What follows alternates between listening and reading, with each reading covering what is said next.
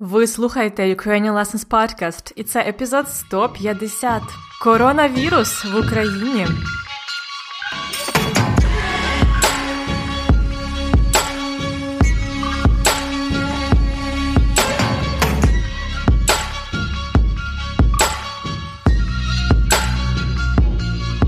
Привіт!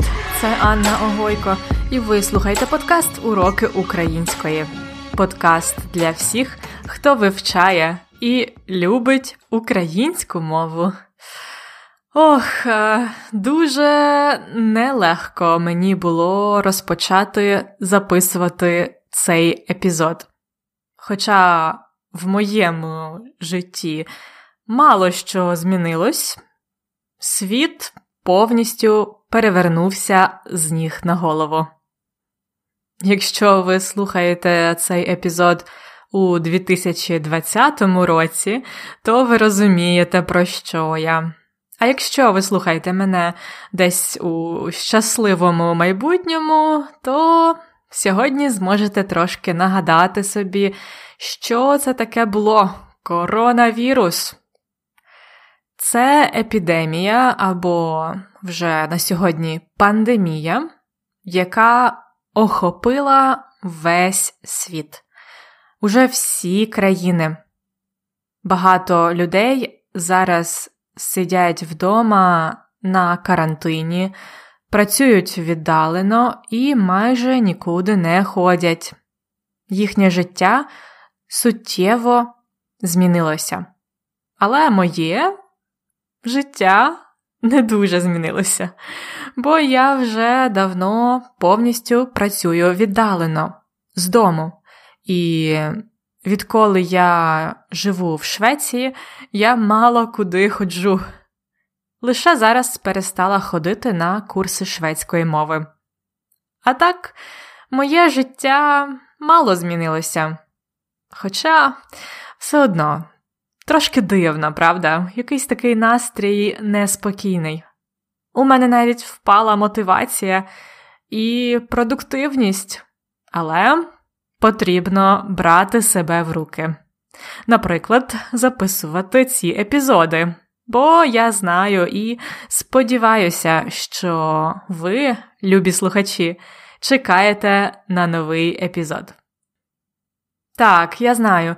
Зараз усі говорять про коронавірус. Є дуже багато інформації, але я вирішила присвятити також епізод подкасту коронавірусу, тому що так ви вже знаєте, про що я буду говорити. Ви знаєте майже всю інформацію, так? Але таким чином зможете попрактикувати українську мову. Правда? Отже, по-перше, ми поговоримо про ситуацію з коронавірусом е, на сьогодні, 24 березня, в Україні. Я спеціально запишу і виставлю цей епізод прямо сьогодні, щоб надати вам найновішу інформацію. Але конспект уроку займає трошки часу для підготовки, тому він буде доступний трохи пізніше на днях, десь, може, в четвер. По-друге, я ще раз нагадаю вам методи профілактики від коронавірусу. Угу, Знаю, знаю, що вони вам, мабуть, відомі, але, на мою думку, це буде знову ж таки гарна практика української лексики для вас, так? І по-третє, я спробую закінчити цей епізод на високій ноті і дати вам кілька ідей, що можна робити, якщо ви зараз вдома на карантині. Добре. Але спочатку відійдемо від теми на хвилинку. Я хочу поділитися з вами голосовим повідомленням від нашого слухача з Сербії. Його звати Алекса. Готові послухати Алексу? Привіт, Анна. Це Алекса зі Сербії. Я хотів підслати вам це гласовне повідомлення. Теж я хотів подякувати вам для все, що ви зробили з вашими уроками. Я навчив багато з вами. Я люблю всі слов'янські мови, а теж я дуже люблю українську культуру, та мову. Можна одного дня я подорожую до України. Дякую вам щиро. Бувай! Дуже приємно вас чути, Алексо. Щиро вдячна і вам за це повідомлення. Сподіваюсь, скоро настануть е, кращі часи, і ви зможете відвідати Україну і попрактикувати свою українську. А я залюбки надішлю вам листівку. Дякую, Алексо. А зараз повернімось до теми коронавірусу.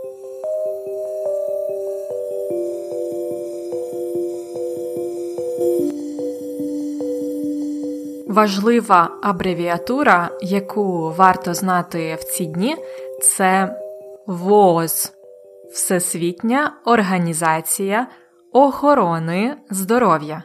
Так, українською це чотири слова, а не три, як англійською WHO. ВОЗ Всесвітня Організація охорони здоров'я. Так от, 11 березня ВОЗ оголосила пандемію у зв'язку з коронавірусом. Це означає, що по всьому світу поширюється захворювання, від якого у нас немає вакцини чи ліків. Це захворювання називається COVID-19. Воно викликане новим коронавірусом. То яка ситуація з коронавірусом в Україні?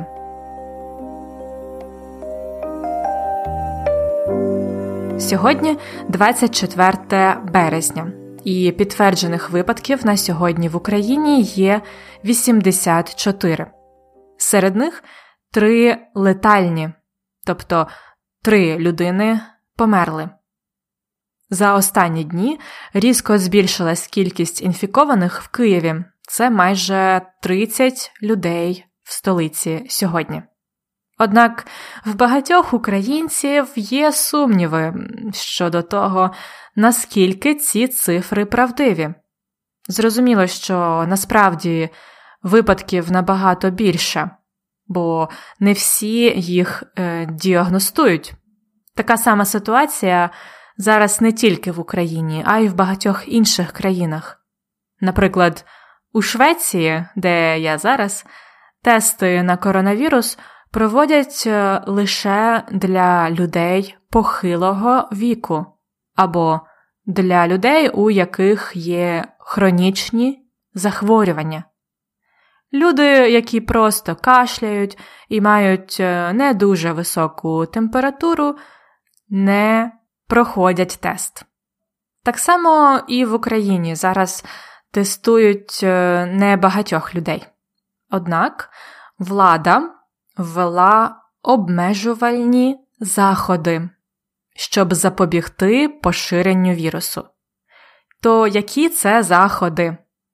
На сьогодні, 24 березня. По-перше, школи, дитячі садочки та університети закрили на карантин. Це зробили ще поза минулої п'ятниці, 13 березня. Це означає, що діти та студенти сидять вдома і навчаються віддалено онлайн. Школи та університети намагаються організувати дистанційне навчання, але це не завжди просто. Також в Україні обмежено роботу громадського транспорту. Повністю закрили метро в Києві, Харкові та Дніпрі. А на автобуси, тролейбуси, маршрутки впускають лише до 10 людей, і при цьому ці люди повинні мати перепустки, спеціальні посвідчення, дозволи які говорять, що ці люди їдуть на роботу.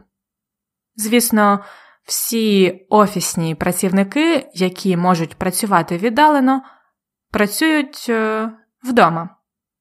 Також е, закриті ресторани, кафе, кінотеатри, торгівельні центри, ринки та інші місця, де збирається велика кількість людей. І зараз дуже популярними в Україні стали служби доставки. Ресторани доставляють е, страви додому, а супермаркети доставляють продукти. У великих містах е, в Україні є кілька додатків е, на телефон, з якими можна легко щось замовити. Наприклад, це такі програми, як Glovo, Ракета чи Заказ.ua. І також працюють зараз нова пошта та Укрпошта. А так то дозволено працювати лише продуктовим крамницям та аптекам. І щодо в'їзду в Україну з 17 березня до 3 квітня поки що заборонений в'їзд іноземців на територію України. Тобто українці можуть повертатися додому в Україну, але це дуже важко зробити, бо майже всі авіасполучення скасовані. Загалом, як бачите, ситуація в Україні подібна до інших країн Європи. Її точно можна назвати безпрецедентною. Тобто такого ніколи більше не було раніше. А отже, ми живемо в історичні часи можна так сказати. Але я вірю, що ця ситуація це важливий урок історії для всіх нас. Вона підготує нас до майбутніх е, випробувань, можливо, до чогось набагато серйознішого. Тепер ми знаємо, наскільки важливо бути готовими до таких надзвичайних ситуацій. Як говорить українське прислів'я, готуй сани влітку, а воза взимку. Тобто треба бути готовими до всього в майбутньому.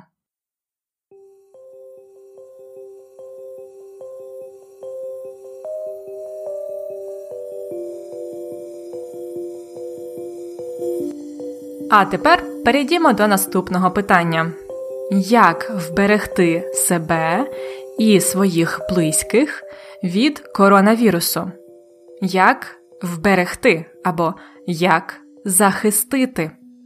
На щастя, ми знаємо, що коронавірус не надзвичайно небезпечний. Близько 80% людей, які захворіли на нього, відчувають лише невеликі симптоми. Але все одно є люди, які помирають через ускладнення, особливо це люди похилого віку. Тому, щоб не підхопити вірус і не передати його людям в зоні ризику, наприклад, своїм батькам чи старшим родичам, потрібно дотримуватися самоізоляції. Тобто, що б там не було, треба намагатися сидіти вдома, самоізолюватися. Якщо це можливо, варто працювати віддалено, замовляти продукти додому і не контактувати з іншими людьми. Також важливо дуже ретельно, тобто дуже добре мити руки з милом і не торкатись обличчя руками. Такі прості дії допоможуть сповільнити поширення вірусу і зняти навантаження з медичної системи. Оскільки саме перенавантаження системи охорони здоров'я це найбільший ризик цієї пандемії. Отже, ще раз, сидіть вдома, мийте руки, не торкайтесь обличчя руками. І ще раз сидіть вдома. Насправді, якщо всі будуть дотримуватись карантину і трошечки потерплять, немає причин для паніки. Ситуація під контролем. Однак все одно знаходяться люди і в Україні, і в інших країнах, які не мають клепки в голові. Вони продовжують збиратися з друзями, влаштовують вечірки. Все-таки зараз не той момент, щоб робити все навпаки, як інші. Не варто гратися з вогнем. Треба зупинитися і перечекати. І, як на мене, така ситуація навіть має свої переваги. Бо якщо ви зараз багато часу проводите вдома, якщо не їздите на роботу і не ходите на зустрічі, у вас е, звільнився час на щось, що ви завжди хотіли робити. Наприклад, я зараз набагато більше читаю художню літературу і інтенсивніше вивчаю шведську мову. Я щодня повторюю шведські слова ванки. І так, я дивлюся більше серіалів на Нетфліксі. Але я нарешті почала дивитися іспанський серіал, який давно хотіла подивитися. Він називається La Casa del Papel. І це чудова можливість для мене не забувати і покращувати мою іспанську. А ще ж можна навчатися онлайн, готувати щось смачненьке, нарешті зайнятися йогою чи переслухати улюблені епізоди Ukrainian Lessons Podcast, так? Єдине, чого б я не радила вам робити, це кілька разів на день оновлювати стрічку новин і зависати у соцмережах. Слідкуйте за своїм ментальним здоров'ям. Будьте здорові!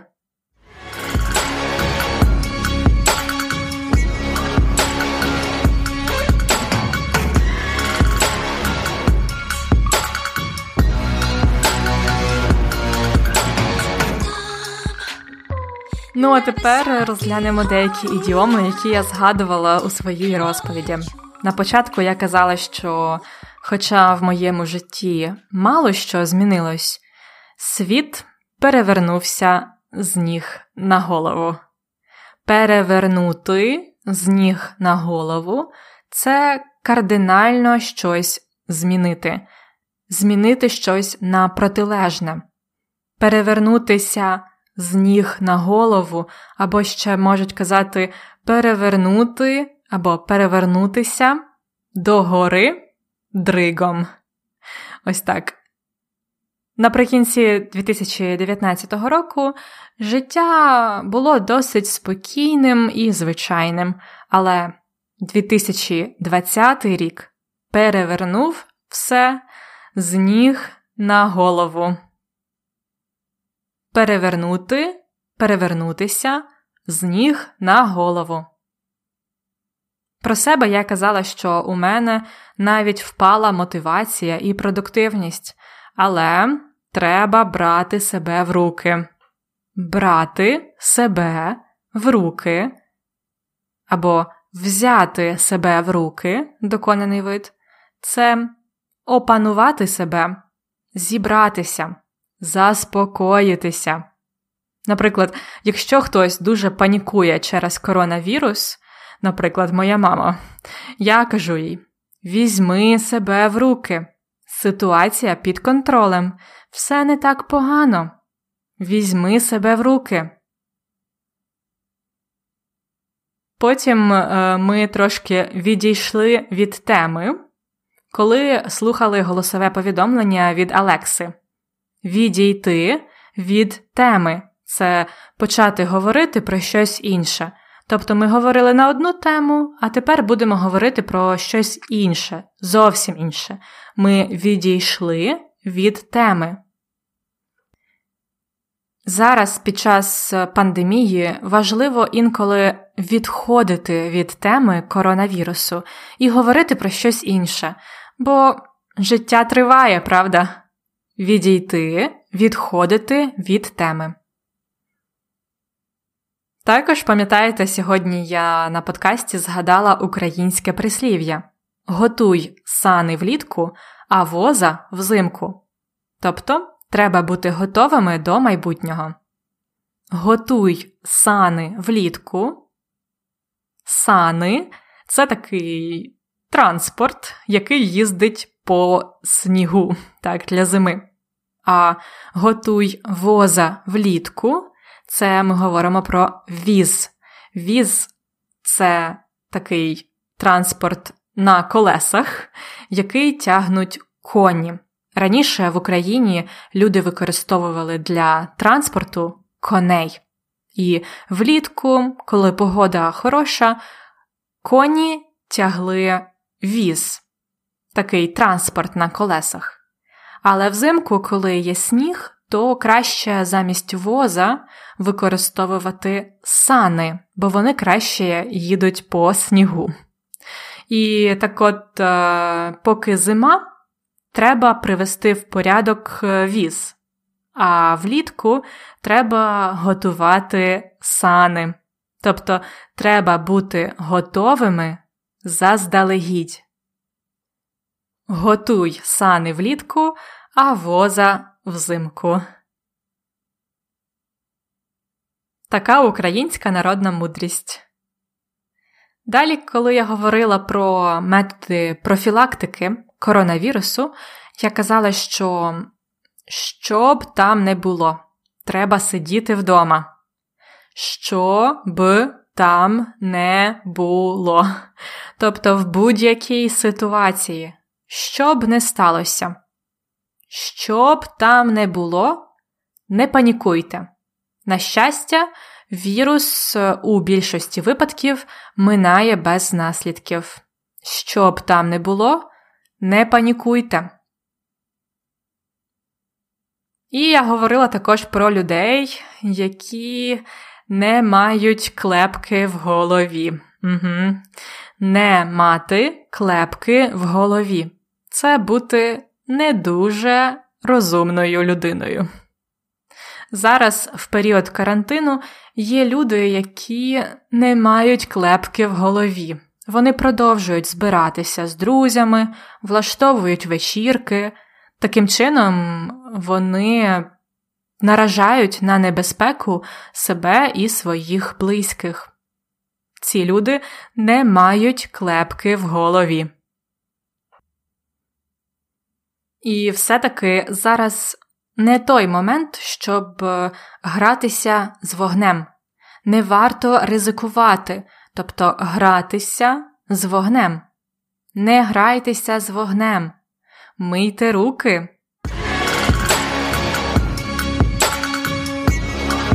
Цікавинка з граматики.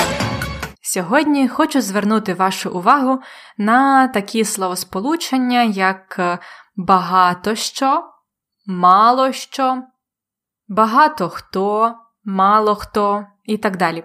Це два окремі слова багато і що, мало і що. На початку я казала, зараз у моєму житті мало що змінилось. Хоча багато що змінилось у світі через коронавірус. В українській мові ми не говоримо так, як англійською багато речей або мало речей. Ми говоримо багато що або мало що.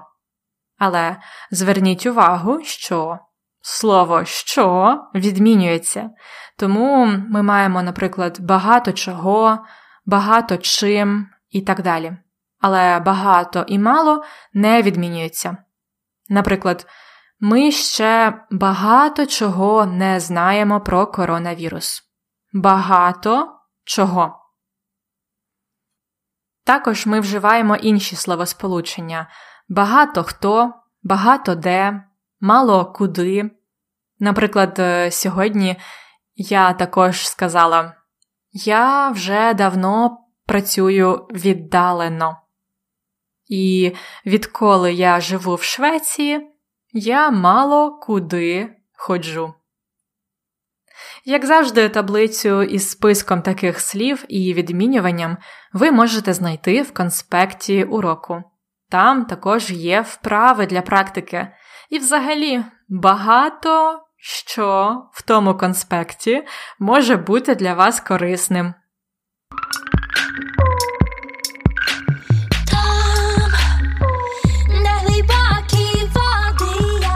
На цьому все на сьогодні. Сподіваюсь, ви не панікуєте, зберігаєте спокій і, звісно, не хворієте. А уроки української виходитимуть для вас, щоб ви не сумували і не забували українську мову в ці часи. Заходьте в нашу групу на Фейсбуці, там ви можете поспілкуватися з людьми з усього світу, які вивчають українську мову, і не тільки про коронавірус. А також карантин це чудова можливість вчитися з нашими конспектами та картками. Вони доступні за преміум підпискою. Більше про преміум дізнавайтеся за посиланням ukrainianlessons.com риска епізод 150 ukrainianlessons.com episode 150 Будьте здорові та щасливі! Всього найкращого! Па-па!